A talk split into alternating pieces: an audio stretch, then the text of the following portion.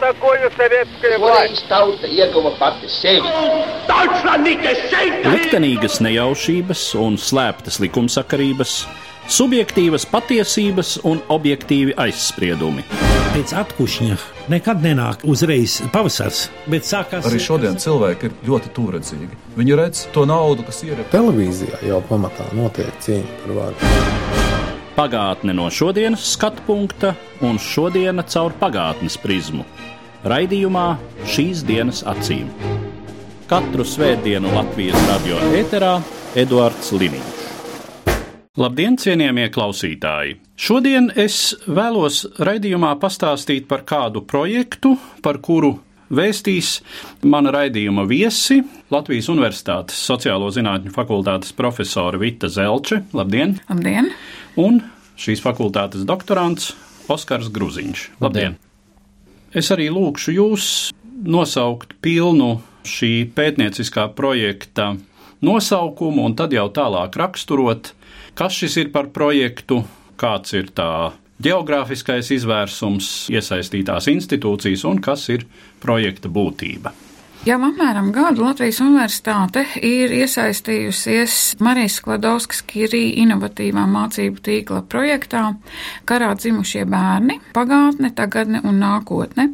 Šis ir Eiropas ietver programmas Horizonts vai mēs latviski teiktu apvārsnes 2020 projekts, un ja mēs mēram universitātes reitingu punktu skatījumā, tad šis pieder pie vieniem no nozīmīgākajiem un prestižākajiem projektiem, kurus šobrīd Latvijas universitāte realizē humanitārajās un sociālajās zinātnēs. Proti, šis ir mācību tīkla projekts. Tas nozīmē, ka vienlaikus top pētījums un vienlaikus apmācību gūst jaunie pētnieki, proti doktoranti, kuri šī projekta ietvaros izstrādā pilnīgi jaunas tēmas pētījumus un kas arī kļūs par viņu promocijas darbiem, par ko tiek gal beigās, ja viss ir sekmīgi, piešķirts doktora grāts. Projekts ir diezgan vērienīgs, un tajā piedalās diezgan daudzas universitātes. Ja man būtu jānosauc šis viss saraksts, tad tas ir diezgan pagārši, bet projekta koordinātore ir Birmingemas universitāte, tad no mums tuvākajām universitātēm ir arī iesaistīta Klaipēdas universitāte, pārējās pārstāv citas valstis kā Poliju, Čehiju, Nīderlandi, Vāciju, apvienoto karalisti, Franciju un arī vēl citas zemes, un arī šīm projektam ir vairākas partneru organizācijas, kas gan ir zinātniskās institūcijas, arhīvu centri, kā arī mēdīji, mākslas organizācijas un nevalstiskās organizācijas, kuru uzdevums ir sniegt atbalstu jauno pētnieku apmācības procesā. Kā jau saka šī projekta nosaukums, karā dzimušie bērni, projekts tematiski no vienas puses ir šaurs, bet geogrāfiski ārkārtīgi plašs, jo tiek skatīta ļoti specifiska sociālā grupa, proti bērnu dzīves un likteņi, Karā dzimušie bērni ir bērni, kuru mātes ir vietējās civiliedzīvotājas un tēvi ir ārzemju karavīri. Kopumā šī tēma Eiropā ir diezgan populāra un ļoti svarīga un sociāli nozīmīga, tāpēc, ka šeit pētniecība tiek sajūgta kopā ar cilvēktiesību jautājumiem, ar atbalstu cilvēkiem, pret kuriem varbūt liktenis valstu politika nevienmēr ir bijusi taisnīga. Un mūsu uzdevums šajā projektā ir iekļaut Baltijas valstis kopējā tematiskajā lokā un vienlaikus arī runāt par taisnīgumu jautājumiem, par cilvēktiesībām un par to, kādā veidā sabiedrība, tostarp arī Latvijas sabiedrība, var attīstīt un izkopt toleranci. Pētnieki šajā projektā nokļuva starptautiska konkursa kārtībā, jo Marijas Skladovskas Kirī programmas paredz arī pētnieku mobilitāti, un tas nozīmē, ka pētījumā mēs nevaram iesaistīt pētniekus, kas ir ilgstoši mācījušies, piemēram, Latvijas universitātē vai kādā citā Latvijas augstskolā, bet uzdevums ir mudināt universitātes apmainīties ar pētniekiem, apmainīties zināšanām, apmainīties ar pētniecības praksēm. Un tāpēc šī starptautiskā atlase nozīmē to, ka Projektā tiek iesaistīti pētnieki, kuri pēdējos trīs gadus nav uzturējušies, strādājuši, mācījušies attiecīgajā valstī, kurā jā. kurā viņi veiks pētījumu. Droši vien tagad jājautā Gruziņu kungam, kā šī darba praktiskajam īstenotājam, kā jūs nonācāt pie šīs tēmas izvēles un kas jūs motivēja? Es, protams, esmu dzimis Latvijā, Rīgā.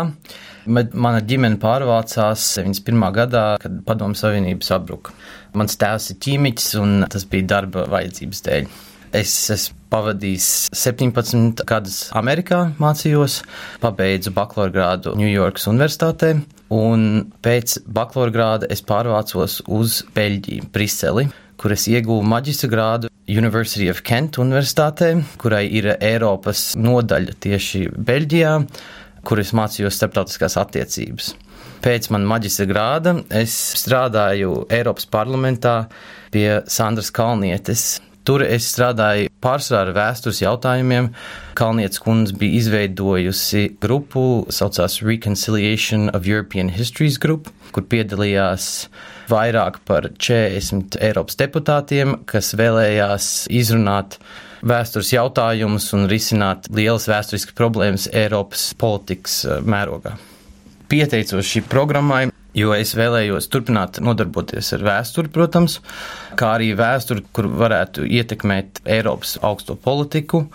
Arī man ļoti interesēja tas fakts, ka tieši šī pētījumam ir ļoti nepieciešams ne tikai darbs arhīvā, bet darbs ar cilvēku, Tas nozīmē intervijas, lai saprastu tādu vēsturi, kur daudzreiz nevar tikt pie dokumentiem.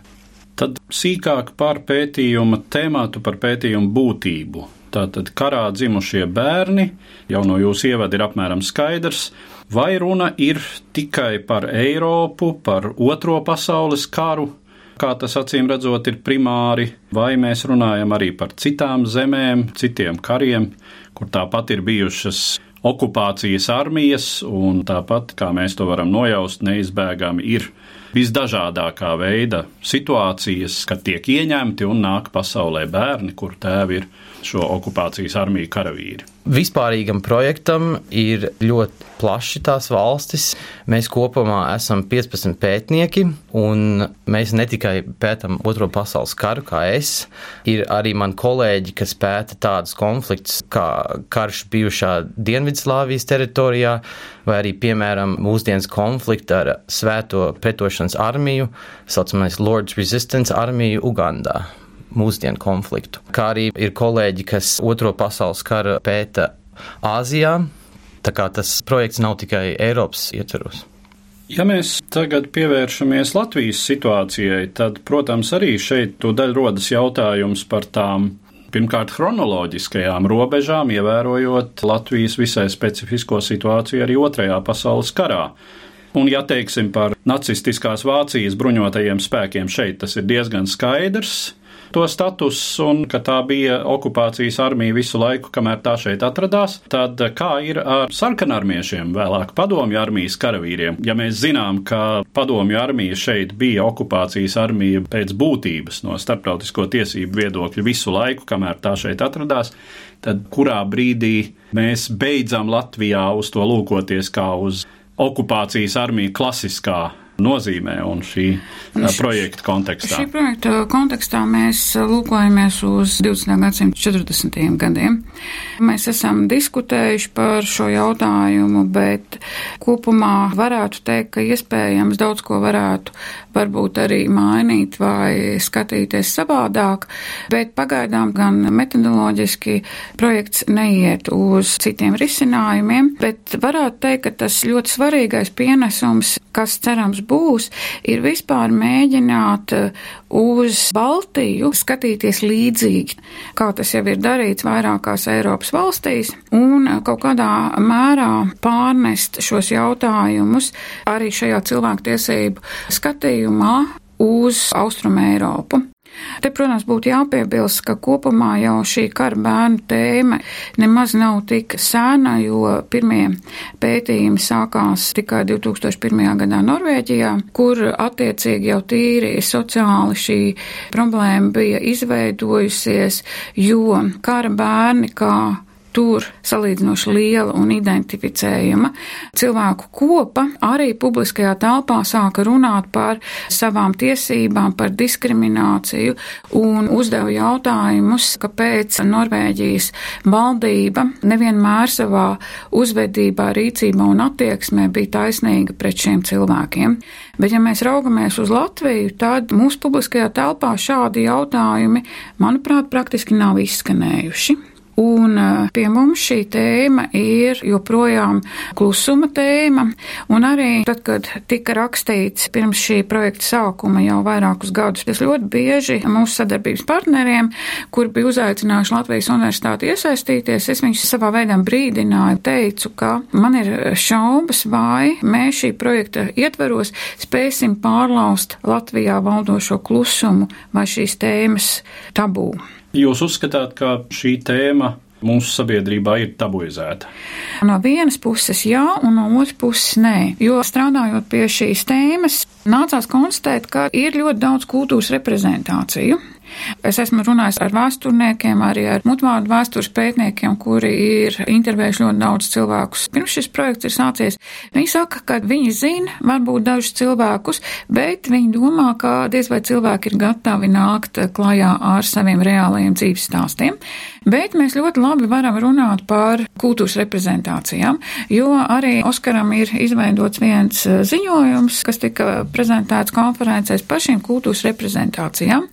Mēs esam visi entās reizes skatījušies vairākas ļoti populāras Rīgas kino studijas, un arī šobrīd Latvijā jau 21. gadsimtā tapušas filmas.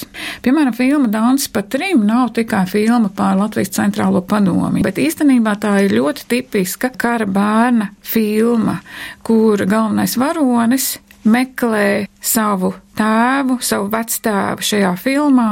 Tā ir filma Vālodzīte, ir mīlas stāsts par uh, latviešu meiteni un padomu karavīru, kas tiek slēpts mājā.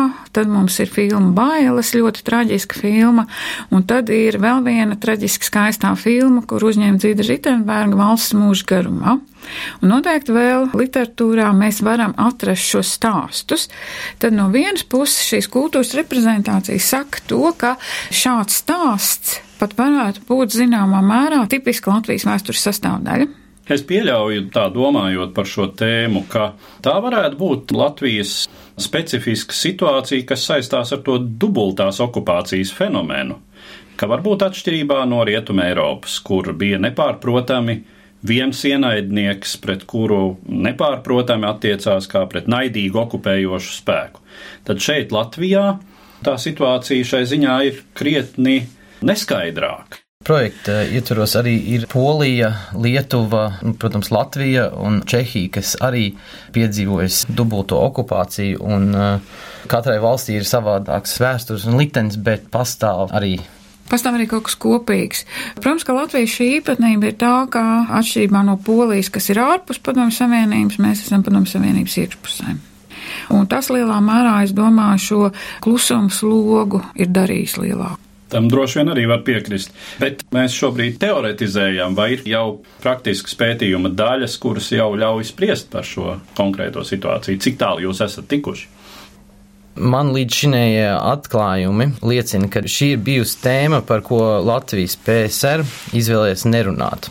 Ir pieejams ierobežots skaitlis dokumentu, no kuriem daļa ir sagrozīta vai dokumenti nav pieejami vispār. Līdzīgs arī bija pētījums Polijā, ko vadīja Marija Roger, un viņa pētījumā atklāja, ka šī bija tēma, par ko Polijas komunistiskais režīms izvēlējās nerunāt. Iemesls tam bija, ka tas pacēla jautājumu par poļu draudzīgajām attiecībām ar ienaidnieku, kas bija pretēji poļu komunistiskās partijas oficiālajai nostājai kara vēstures jautājumos un iespējams varētu uzsākt diskusiju par sarkanās armijas uzvedību Polijā, ieskaitot sieviešu izvarošanu.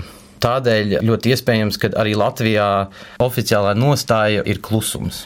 Protams, mums ir jāsaka liela pateicība Latvijas okupācijas muzejam. Lielā mērā šo praktisko mutvārdu intervēšanas prasmi Oskars apgūst sadarbībā ar turienes video arhīva cilvēkiem. Un viens no Latvijā vislabāk pieredzējušajiem mutvānu vēsturniekiem, kā Feldmaņa kungs, ir savā veidā sniedz ļoti lielu atbalstu. Un, protams, ka var jau lepoties ar pirmajām mutvānu vēstures intervijām, kuras ir snieguši kara bērni. Bet viņi ir atrasti pateicoties okupācijas muzeja ilgstošajai praksē. Vai mēs jau varam vērot kaut kādas likumsakarības, kaut kādas kopīgas likteņa nianses, vai arī mums pagaidām ir pārāk maz materiāla, lai mēs par to spriestu? Es domāju, ka šobrīd materiāli ir pārāk maz, jo mēs varam vērot šos dzīves stāstus šajos kultūras produktos un, protams, šajās atsevišķās pirmajās mutvārdu vēstures intervijās. Bet tagad, protams, pats svarīgākais ir jautājums, vai Latvijas cilvēki ir ar mieru dalīties šajos savos unikālajos dzīves stāstos, savos dzimtu likteņos. Un tāpēc, protams, ir mūsu aicinājums un lūgums, ja jūs esat radioklausītāji, ar mieru, uzticēties.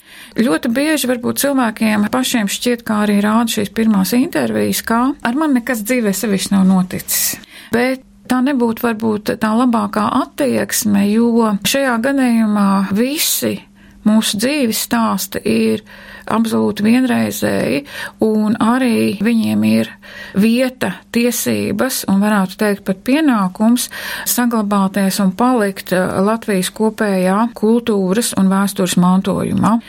Protams, jo mums būtu vairāk šādu dzīves stāstu, jo būtu iespējams labāk izsekot gan kopējām, gan specifiskajām, gan unikālajām līnijām šajos dzīves stāstos, jo, protams, ir svarīgi paskatīties, paskatīties gan uz cilvēku dzīvēm, gan sabiedrības attieksmi, jo arī šī starptautiskā prakse vispirmām kārtām stāsta par šo neiecietību, kur izrādīja, piemēram, Norvēģijas valsts iestādes, Dānijas valsts iestādes, gan arī sabiedrība kopumā.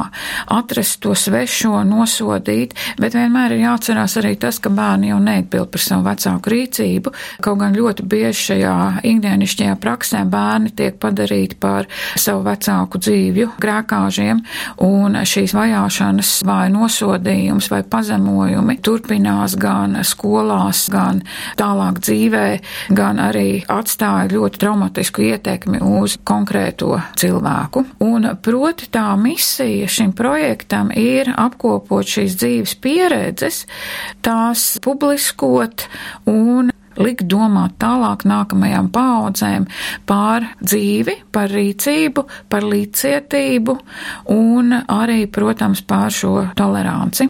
Ja mēs raugamies starptautiskajā pieredzē, protams, ka šis Norvēģijas gadījums, Norvēģijas notikumi ir arī materializējušies kompensācijās Eiropas cilvēku tiesības tiesas spriedumos, un šie bērni tā vai citādi ar lielu nokavēšanos ir kaut kādā veidā dabūjuši gan gandarījumu par to atbildības slogu, ko Norvēģijas valsts viņiem uzlika tieši pēc kara darbības beigām. Varbūt mazliet sīkāk par šo Norvēģijas gadījumu, par šo valsts politiku. Norvēģijas pētniecības padome finansēja projektu, kas pētīja Norvēģijas bērnus, kuriem tēvi ir Vācijas karavīri. Pētījumā, ko vadīja Ingvila Mohmana un citi, tika atklāti tādi rezultāti kā tas, ka šiem bērniem ir sliktāka veselība, Viņu vidū ir lielāks pašnāvības skaitlis, viņi ir maz izglītotāki un gūs zemākus ienākumus nekā citi Norvēģijas iedzīvotāji tajā pašā vecumā. Bet uzreiz būtu jāpiebilst, ka šī cilvēku grupa ir īstenībā ļoti liela. Tā ir pēc aprēķiniem no 10 līdz 12 tūkstošiem cilvēku. Un arī pēc šādiem datiem, ka īstenībā runa jau parasti ir par lielu cilvēku skaitu, tiek lēsts, ka otrām pasaules kara laikā apmēram 10% gadu gados jauno norvēģu sieviešu bija draugs vācu karavīrs, jo to brīdi tā kā norvēģis uh, nacistiskā Vācijā pieskaitīja pie augstākajām rasēm, pie šāds, āriešiem. pie šādiem āriešiem, tad šāds attiecības tika veicināts. Latvijas gadījums, protams, ir savādāks, jo sākotnēji mēs nesam ārieši, bet pēc Latviešu leģiona izveides situācija mainās un arī latvieši šajā rasu hierarhijā kāpj uz augšu. Nu, arī būtu jautājums, vai šī statusa mājiņa kaut kādā mērā ietekmē situācija vai nē, kas notiek. Ir šie atmiņas stāsti, ka cilvēki no Latvijas, protams, arī kara bērni mūk, ir atmiņās gadījumi, ko ģimenes, piemēram, iekļau, kā visi gājuši bojā Dresdens bombardēšanā un tam līdzīgi. Mūsu rīcībā ir fragmenti, bet mūsu lielā interese ir cilvēki, kuri var pastāstīt savus dzīves stāstus, kuri zina, kuru ģimenē varbūt tas ir bijis noslēpums, varbūt tas nav bijis noslēpums, bet eh, izstāstīt šo savu dzīves stāstu.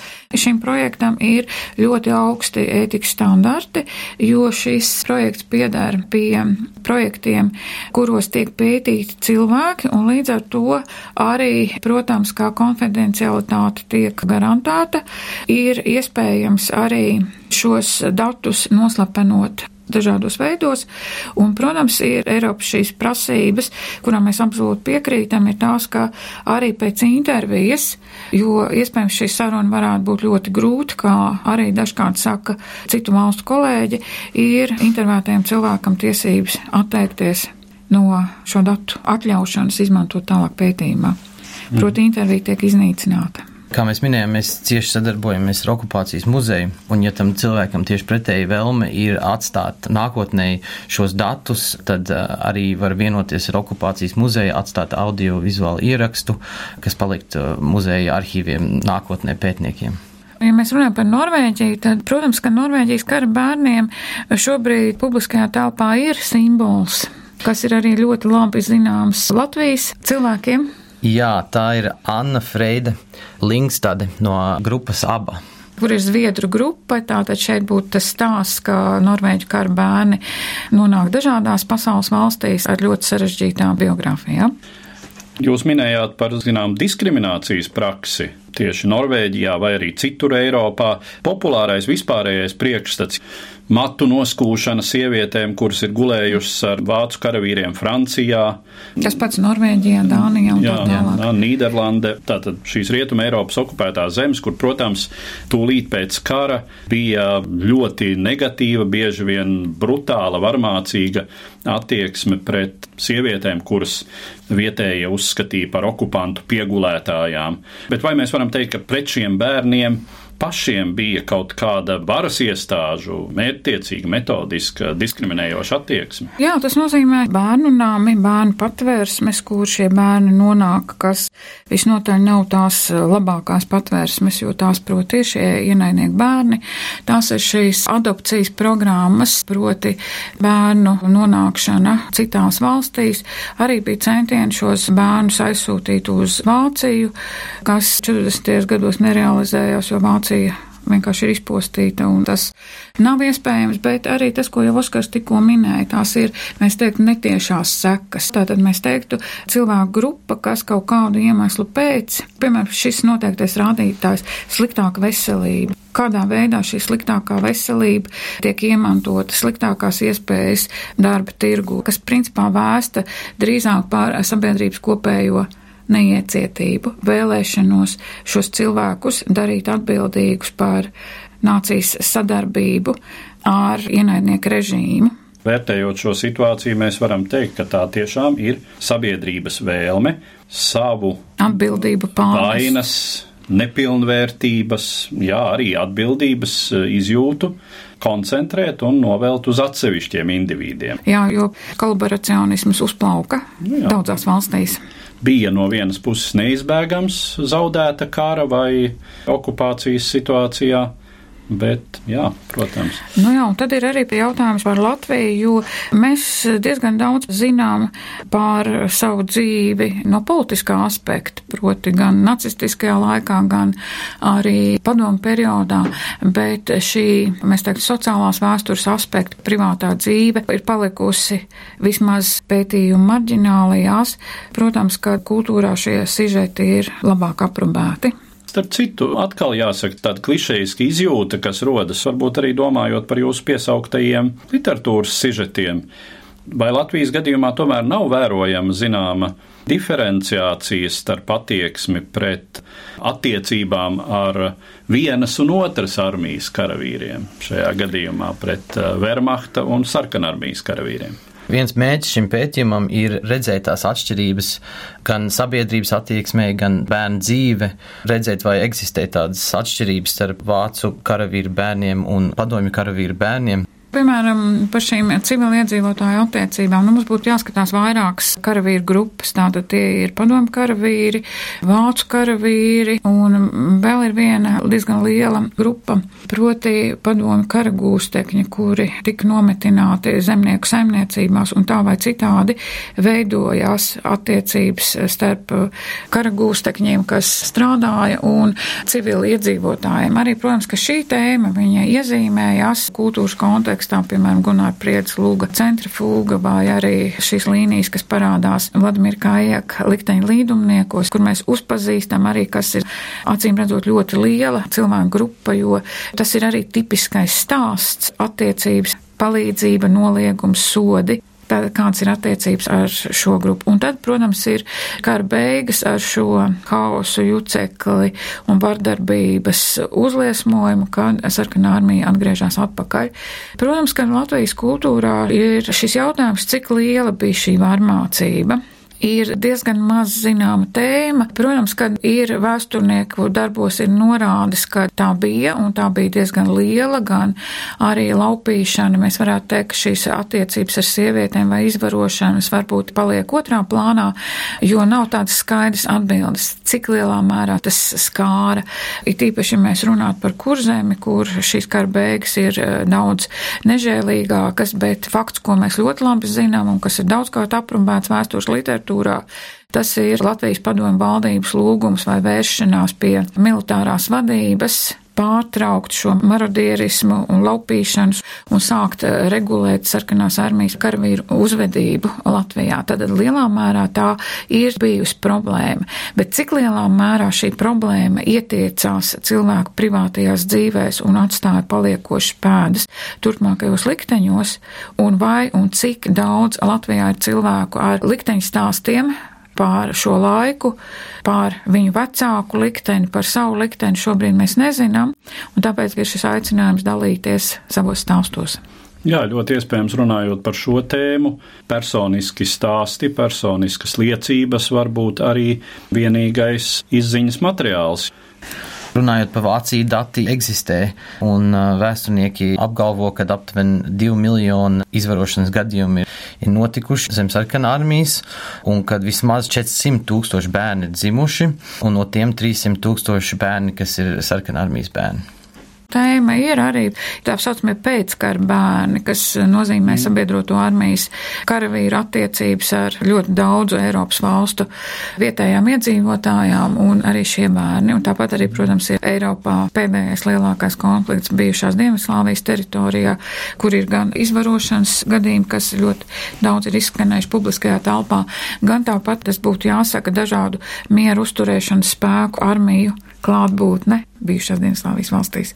Arī tāda kara bērni tēma iet cauri laikam. Un iespējams, ka arī raugoties uz Padomju Savienības vēsturi, arī, protams, varētu uzdot jautājums, kā šī tēma izskatās Afganistānas kara kontekstā, kas ir tas karš, kas mums ir salīdzinoši labāk zināms. Noslēdzot mūsu sarunu, vēlreiz, ja šo sarunu dzird kāds radioklausītājs, kura liktenī ir šāda situācija un kurš būtu gatavs par to runāt. Un vēlreiz uzsvērsim, tas būtu ļoti svarīgi Latvijas vēstures pilnīgas ainas veidošanai. Un arī jautājumam par cilvēktiesībām un necietību. Tad um, kā viņš var sazināties ar pētniekiem, pa kādiem kanāliem? Protams, uzreiz es varu teikt, ka var rakstīt uz manu darba e-pastu, tas ir Edvards Liniņš at radio.org LV, vai arī uz e-pastu, kas ir pieejams Latvijas radio mājaslapā, vai komentārā pie šī raidījuma mūsu interneta vietā. Bet kādas ir iespējas sazināties tieši Ja jūs vēlaties piedalīties pētījumā, lūdzu sazinieties ar mani rakstot uz e-pastu oskars.gruziņš at lu.lv vai zvaniet uz tālruni 204 42 969, vai arī rakstiet uz Sociālo zinātnes fakultāti Lomonosova iela 1A Rīga LV 1019. Ar jūsu palīdzību mēs varēsim labāk izprast šo svarīgo Latvijas vēstures aspektu. Un droši vien mēs vēršamies ne tikai pie tiem, kas paši ir kara bērni, bet arī iespējams jau pie viņu bērniem, mazbērniem, kuri zina šos stāstus, kas ļoti iespējams ir glabāti ģimenē, mutvārdu atmiņu formā. Arī šādi vēstījumi ir vērtīgi un nepieciešami. Un es saku paldies par šo sarunu maniem sarunbiedriem, Latvijas Universitātes Sociālo zinātņu fakultātes profesorei Vitai Zelčai un doktorantam Oskaram Gruziņam. Katru svētdienu Latvijas radio viens par pagātni sarunājas Eduards Liniņš.